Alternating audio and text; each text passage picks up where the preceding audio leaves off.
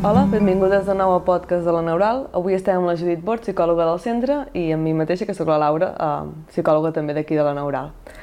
El podcast d'avui hem pensat que seria, ja que avui és el Dia Mundial de, de la Salut Mental, fer-lo sobre què és anar a teràpia, què implica el procés de teràpia, per una mica eh, apropar aquesta eina tan útil a la gent que o no s'ho ha plantejat mai o, o creu que no és per ella, no? Uh -huh.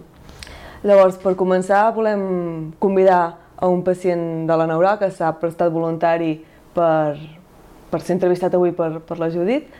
Que... Uh, bé, avui tenim el plaer de tenir el Sergi Serra, pacient d'aquí la Neural, de teràpia psicològica, uh, que ha accedit a fer-nos de testimoni. Bé, moltes gràcies, Sergi. De res.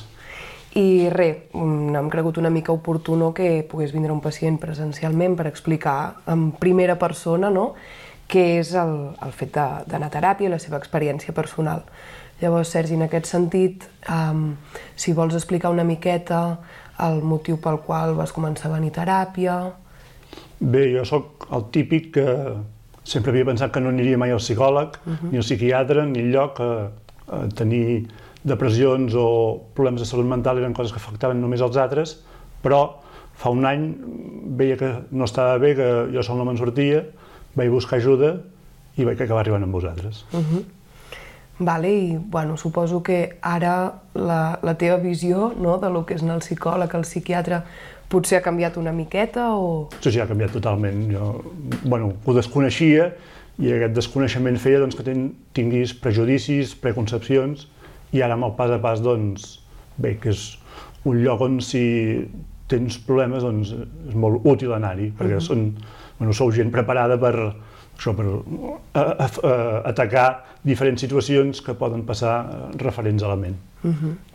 Vale, perquè llavors en aquest sentit, Sergi, mm, què és el que t'ha sorprès o el que veus que ha canviat, no? Quina idea tenies tu i ara quina tens? Clar, jo estava molt acostumat a, autoguarir-me jo, però quan vaig veure que no me'n sortia, doncs llavors ja m'obria eh, feu el que vosaltres considereu oportú perquè sou les que hi enteneu i sobre el fet d'anar veient que s'ha de tenir molta paciència i que s'ha d'anar molt pas a pas. Uh -huh. que horitzons limitats i si veus que millores, doncs això et dona tranquil·litat per afrontar doncs, les, les etapes que vindran. Vale. Perquè llavors, en aquest sentit, Sergi, tu creus que la psicologia um, és un, una eina important, no? és una disciplina que cal que estiguin a la nostra societat? Sí, sí completament. Vull dir, la salut té diferents àmbits i la salut mental, amb, amb tota la feina que feu, les psicòlogues, els psicòlegs, etc., doncs és un àmbit fonamental perquè, com sempre passa, la, la salut t'afecta i et preocupa quan deixes de tenir-la. I en el cas mental, doncs, igual o pitjor. És el mateix, no? Val, llavors, Sergi, um, més a nivell personal, quan vas decidir venir a teràpia, vas vindre aquí, vas quedar directament aquí a la Neural o vas provar de mm, analitzar diferents psicòlegs o coneixen diferents? Com, com va ser la teva experiència? Bueno, jo al principi estava molt desorientat, perquè com que no m'havia plantejat mai anar al psicòleg, doncs no sabia a qui acudir i vaig començar doncs, a, a parlar amb, amb amics, amb gent propera, uh -huh. de possibles llocs on anar. I també allà, entrar a l'internet i, i posar tot de paraules clau a veure si eren el que et passava amb tu. I sí, vaig passar per diferents psicòlegs i psicòlogues i no, vosaltres no vau ser els primers, però vaig venir amb vosaltres i al final vaig deixar totes les altres psicòlogues i psicòlegs perquè bueno, vosaltres és qui m'he sentit més a gust, més còmode i que, i que les sessions són més, més útils. Mm. Gràcies. Llavors, um, Sergi, si haguessis de dir no, de la teràpia que, que estem realitzant, amb què et quedes o què és el que realment creus que t'ha ajudat? Què, què seria? Bueno, aquesta sensació que, que no ets el primer que li passa això i que vosaltres heu vist situacions molt similars i que contra aquestes situacions doncs, que, que s'ha d'anar fent i bueno, donar esperança, que, una esperança fonamentada en bueno, una visió científica de, de la vida i de la ment. Uh -huh. Perquè llavors um, creus que a dins de la teràpia has pogut entendre millor el que et passava o creus que ja ho entenies i després a teràpia només ho has treballat? No, al principi no entenia res, ni el que em passava ni, ni què podia fer, i sí, com dius, doncs, evidentment, sense, sense ser un especialista, sí que vas veient doncs, eh, els problemes mentals que poden ser diferents tipus i quins són els que t'afecten més amb tu. Mm -hmm. Val, perquè llavors, um, Sergi, si haguessis de dir no, a la gent que ens escolta avui uh, algun consell o què els hi recomanaria si es troben en un estat de malestar emocional? Clar, la, la frontera entre tenir un dia trist o uns dies tristos o tenir una situació més greu, de vegades és complicada perquè, a més, en aquest nostre món que volem solucions immediates, uh -huh. allò, si tens un mal dia, doncs, bueno, sembla que ja que bueno, necessito una solució ja. Però si algú que es coneix bé a si mateix considera que porta massa setmanes o mesos que no està bé, doncs buscar ajuda, si més no per començar a definir què, què, què, què està passant. Mm -hmm. Totalment. Vale, Sergi, doncs moltes gràcies pel, pel teu testimoni i seguim endavant. I tant, ens, ens seguim veient. Exacte.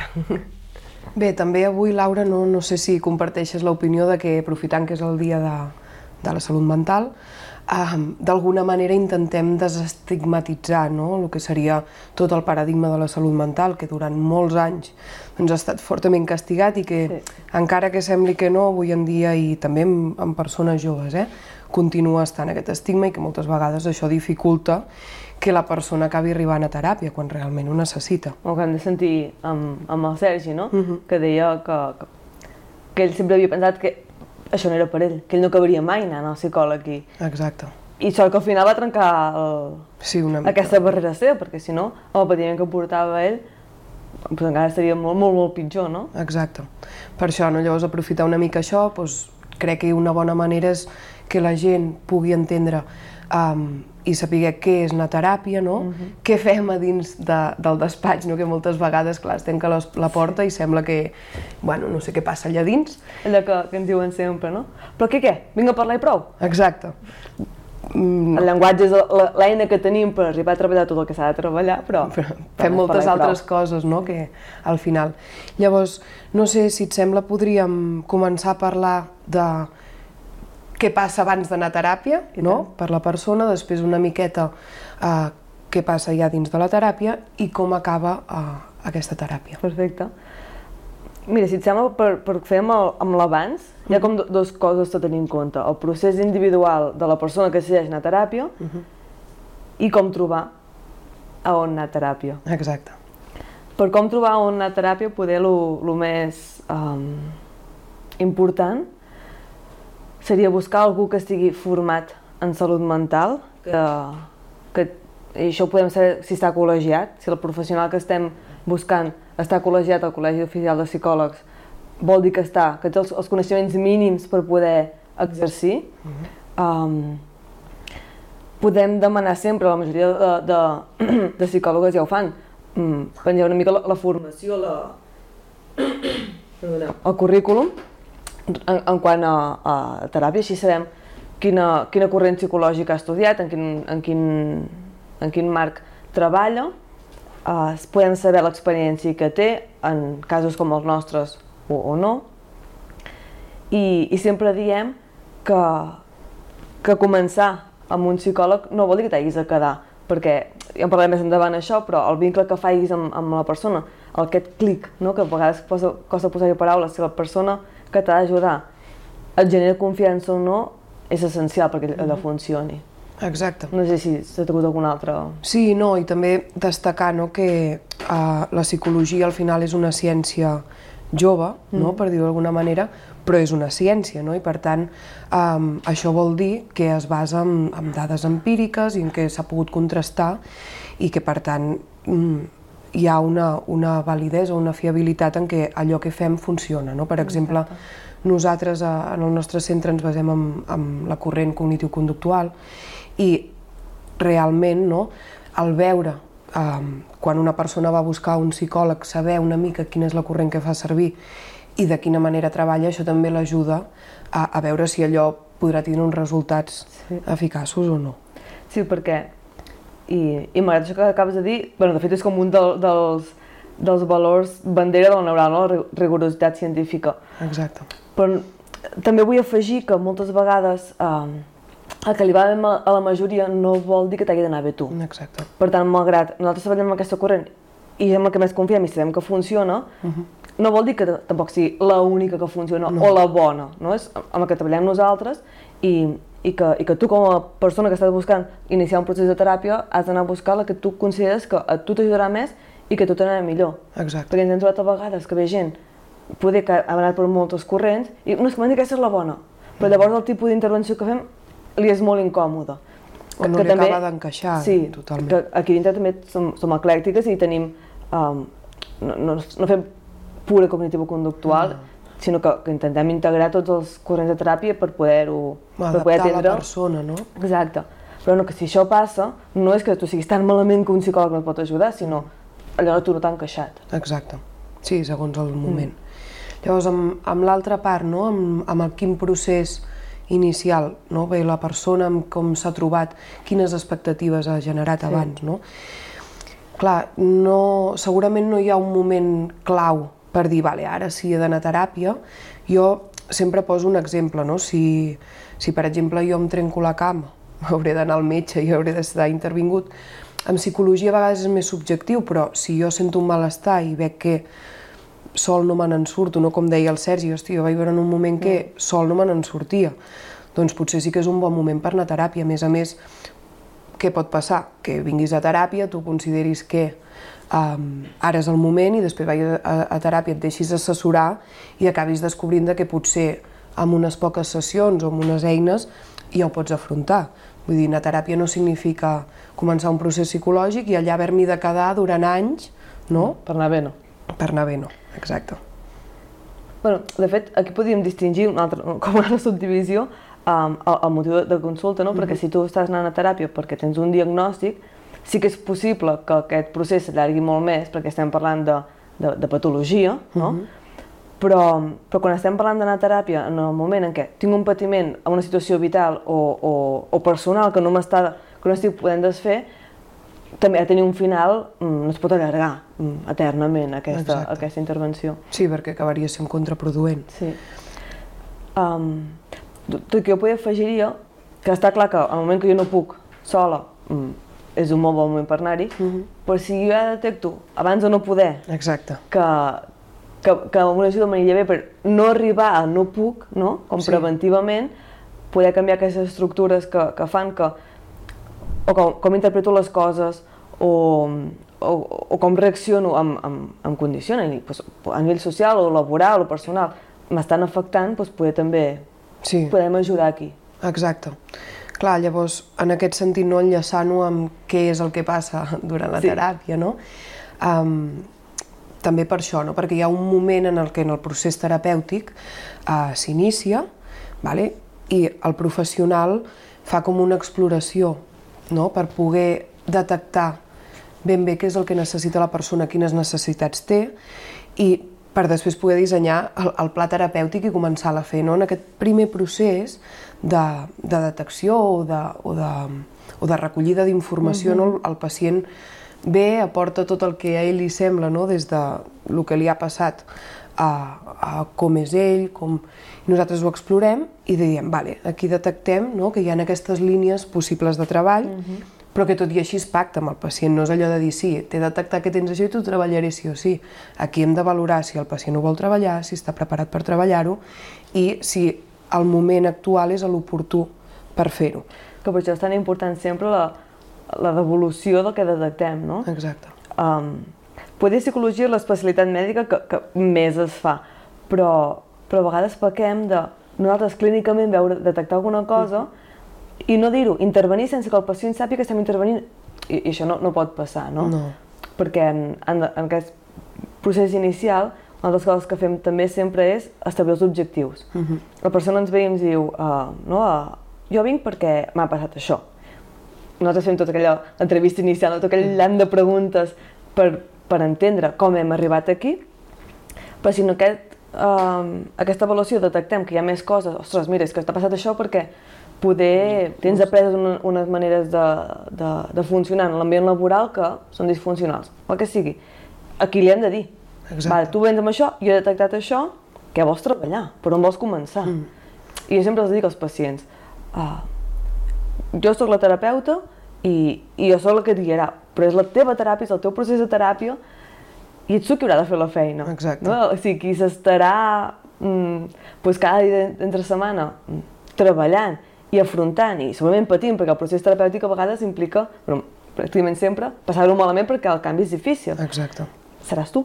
Mm -hmm. Per tant, si tu no vols treballar, per més que et vagi dient, Sí, no hi haurà canvi. Clar, perquè més en aquest sentit, no, a, a teràpia també es, o sigui, treballem molt el fet de responsabilitzar la persona del seu propi procés, no? perquè moltes vegades ah, hi ha, crec, com una creença errònia no? de que anem al psicòleg i el psicòleg m'ha de solucionar els problemes i això en cap cas pot ser. De fet, si, si mai es detecta que en una teràpia està, fent, està passant això, s'ha d'interrompre i, i solucionar aquest problema, sí. perquè és que si no, no funcionarà. No?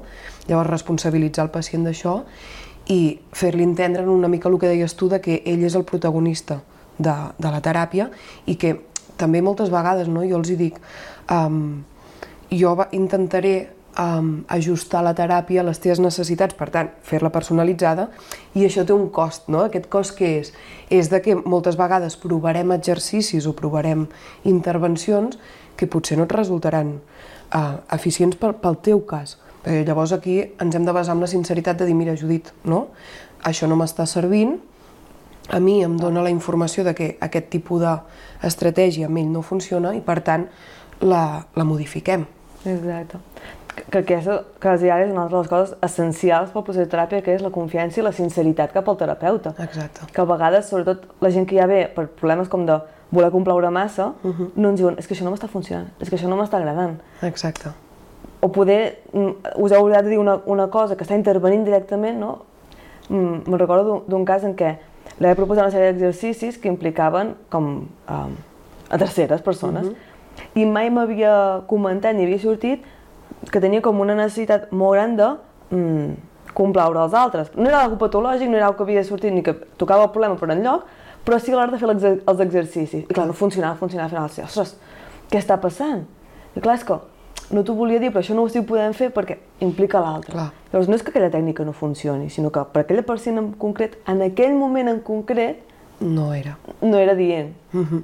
Clar, per això al final no, una mica jo crec la importància molt gran de que el procés ha de ser, sempre ho dic, la comunicació ha de ser bidireccional, no, no directiva, no? Com a vegades, si entréssim en un, en un model més mèdic, moltes vegades sí que eh, passa, no?, de que hi ha una direcció més de, dir-ho d'alguna manera, de dalt cap a baix, i, i el pacient ha d'assumir mm. el que es diu. No? En aquest cas jo sempre dic que ha de ser bidireccional i que el que ell ens aporta de lo que li està funcionant o el que no és el que acabarà marcant l'èxit de la teràpia. Sí. Clar, la, la nostra directivitat poder és més des del coneixement, mm -hmm. no? de, mira, jo diria que hem d'anar per allà, això no està funcionant, poder, de portar llum en... És que fixa't que això no ho estàs fent, o que això ho estàs deixant passar, no? Sí, en aquest sentit. I, i no tant des de l'autoritat de bata blanca, metge, jo et dic que facis això. Exacte. Exacte. Clar, llavors també amb això, no, uh, crec que és molt important, que ja ho has avançat abans, el tema del vincle terapèutic. Uh, molts estudis no, mm, recolzen la idea de que si sense vincle terapèutic no pot haver una teràpia eficaç i que de fet el 80% de l'èxit terapèutic és aquest vincle. Llavors, um, el vincle és una cosa que no es pot dir d'una manera molt objectiva per què es dona, no? Sí que hi ha diferents elements que hi mhm. juguen, com seria la confiança, la sinceritat, la transparència, no?, amb el que estic fent, però creiem que va una mica més enllà d'una connexió amb la persona, amb el fet de sentir-me entès, comprès, eh, escoltat, no? moltes vegades sí. És, és simplement això. I després això acaba fent, no? jo, jo ho visualitzo com que abraça la teràpia en tot el moment i fa que les estratègies o les eines que nosaltres intervenim realment siguin eficaces i funcionin. Exacte. Sí, jo, tu dius que, com que ho abraço, jo visualitzo més com com que, que et deixa entrar, no? Mm, és com, també. si jo no sento un vincle mm, segur amb el meu terapeuta, no m'obriré, no. no confiaré, no aplicaré cap de les estratègies perquè, perquè hi haurà com un recel, hi haurà una confiança, mm -hmm. hi haurà faltarà el clic aquest, no? Exacte. Que, això que dius que no es pot objectivar, jo no dic el clic. Sí. Uh, I sense això, per més que és una pràctica que sempre, les primeres entrevistes, quan, quan jo començo un, un, un treball amb, amb un procés amb un pacient, li dic, jo podria ser la millor psicòloga del món sencer, uh -huh. que si tu no confies en mi, uh, si tu no t'impliques en la teràpia, i no hi ha, i, i, i poder, mm, objectivament podria ajudar, però si tu no, no hi ha aquest clic, no treballarem. Per tant, m'has de dir, Laura, això no m'està funcionant, Laura, això no m'està agradant. Totalment. Clar, i també, per exemple, ara amb el que deies, no? durant la teràpia, una cosa que també és molt important és el compromís, no? Mm. l'implicar-me amb la teràpia i em comprometre'm a, a, a dins del procés terapèutic, perquè si no un miracle tampoc es pot fer, llavors. Clar. I, i això és una cosa que em, em, em passa sempre des del principi d'estudiar la carrera. Uh -huh.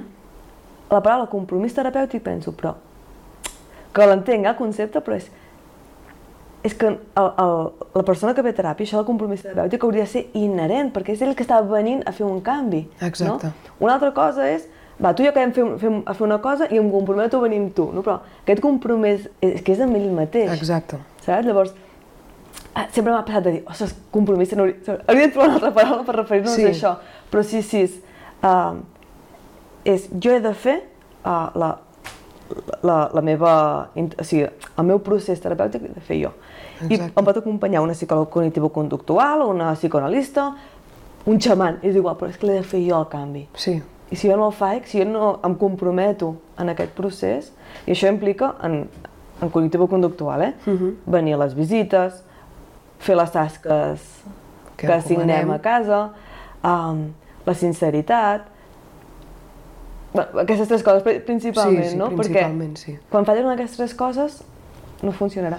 Sí, perquè, per exemple, amb el tema que dius de les tasques, no? a vegades el que passa és que hi ha persones que esperen, no? Poder venen a teràpia un cop cada dues setmanes, un cop a la setmana, és igual.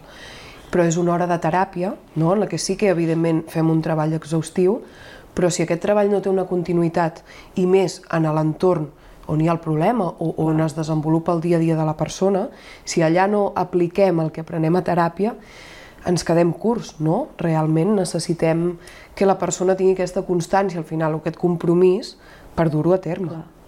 Jo amb això sempre explico, que no és meu, és, és d'un professor de la universitat, que deia que el, els aprenentatges que tenim, com, o sigui, les, les connexions entre neurones, per dir-ho així, uh -huh. al final, és com un múscul, com més el treballes, més fort és, no?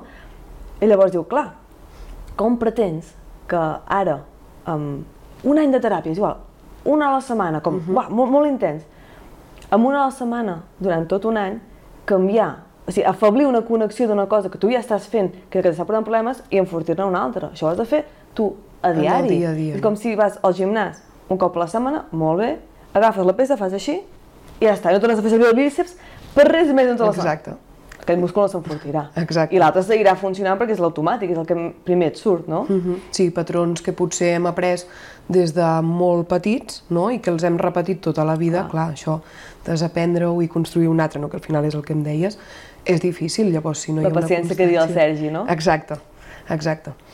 Llavors, um, quan, quan ja estem no, dins del procés terapèutic, hem vist que hi ha aquests elements importants, llavors, què passa quan s'està acabant aquest procés terapèutic o com sabem que s'està acabant?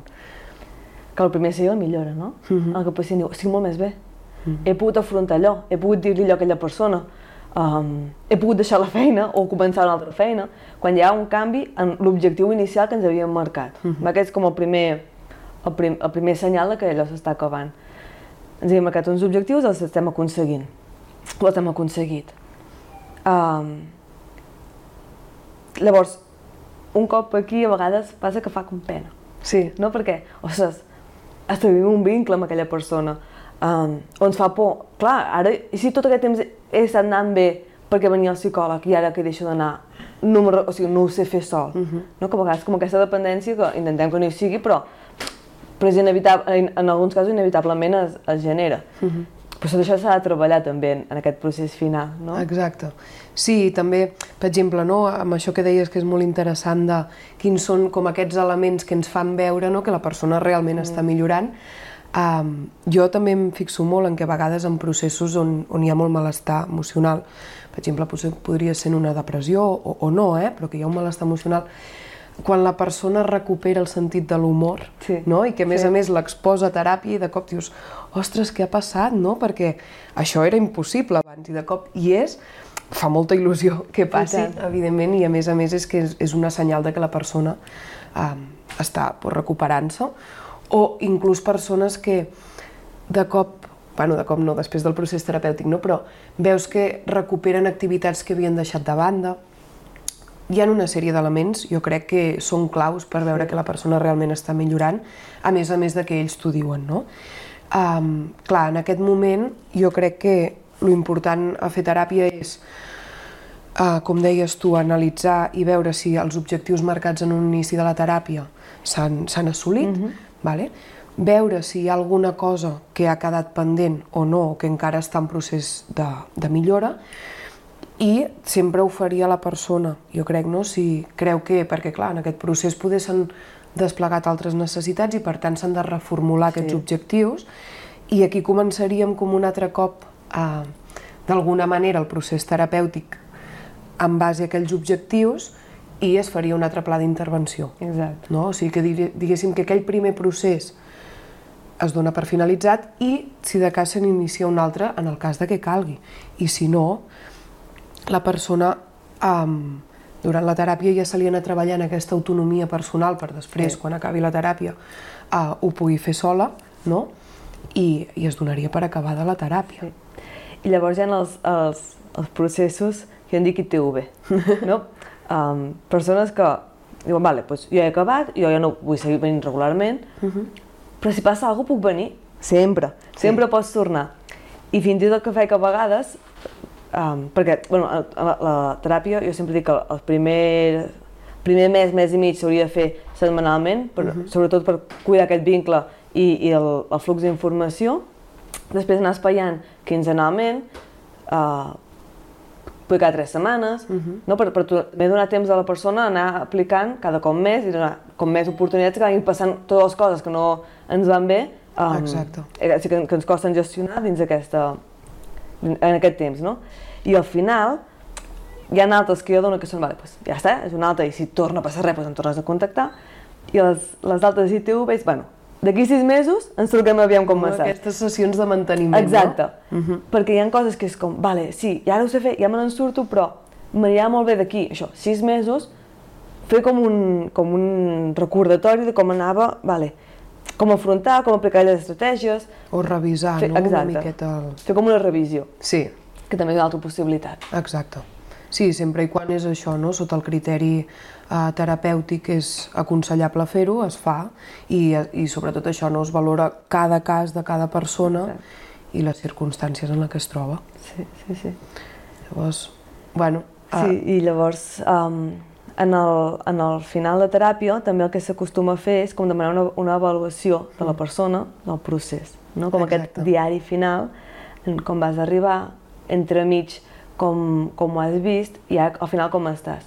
I una cosa que m'he escoltat de dir és que jo sempre els dic que tinguin una llibreta que sigui la llibreta de teràpia, on vagin apuntant només en aquella llibreta tots els errors que anem fent, les reflexions que vagi fent, perquè això els hi anirà, els hi va superbé per quan ja no hi hagi teràpia, o fins i tot durant la teràpia, però ah, ok, hem superat, tornar allà, com em sentia, què vaig fer, què em va anar bé, què no em va anar bé. Exacte. I tens com un mini quadern, com un mini manual personal de com a, a, a tu et va bé a, afrontar les dificultats. i el que a tu t'ha servit, no? Això mateix. Perquè després potser en futures ocasions s'hi pot trobar i sap, vale, mira, a mi això em va bé, això no em va bé també, potser també apuntar el que no em va anar bé. No, no, jo us vaig apuntar tot, eh? Exacte. El que sí, el que no, Sí. per què, si, si, si detectem el per què o el per què.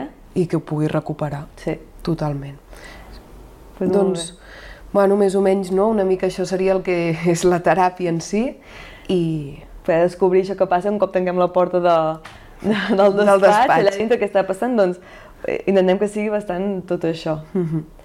Um, doncs moltes gràcies per haver-nos escoltat fins aquí i la setmana d'aquí 15 dies hi haurà un altre capítol.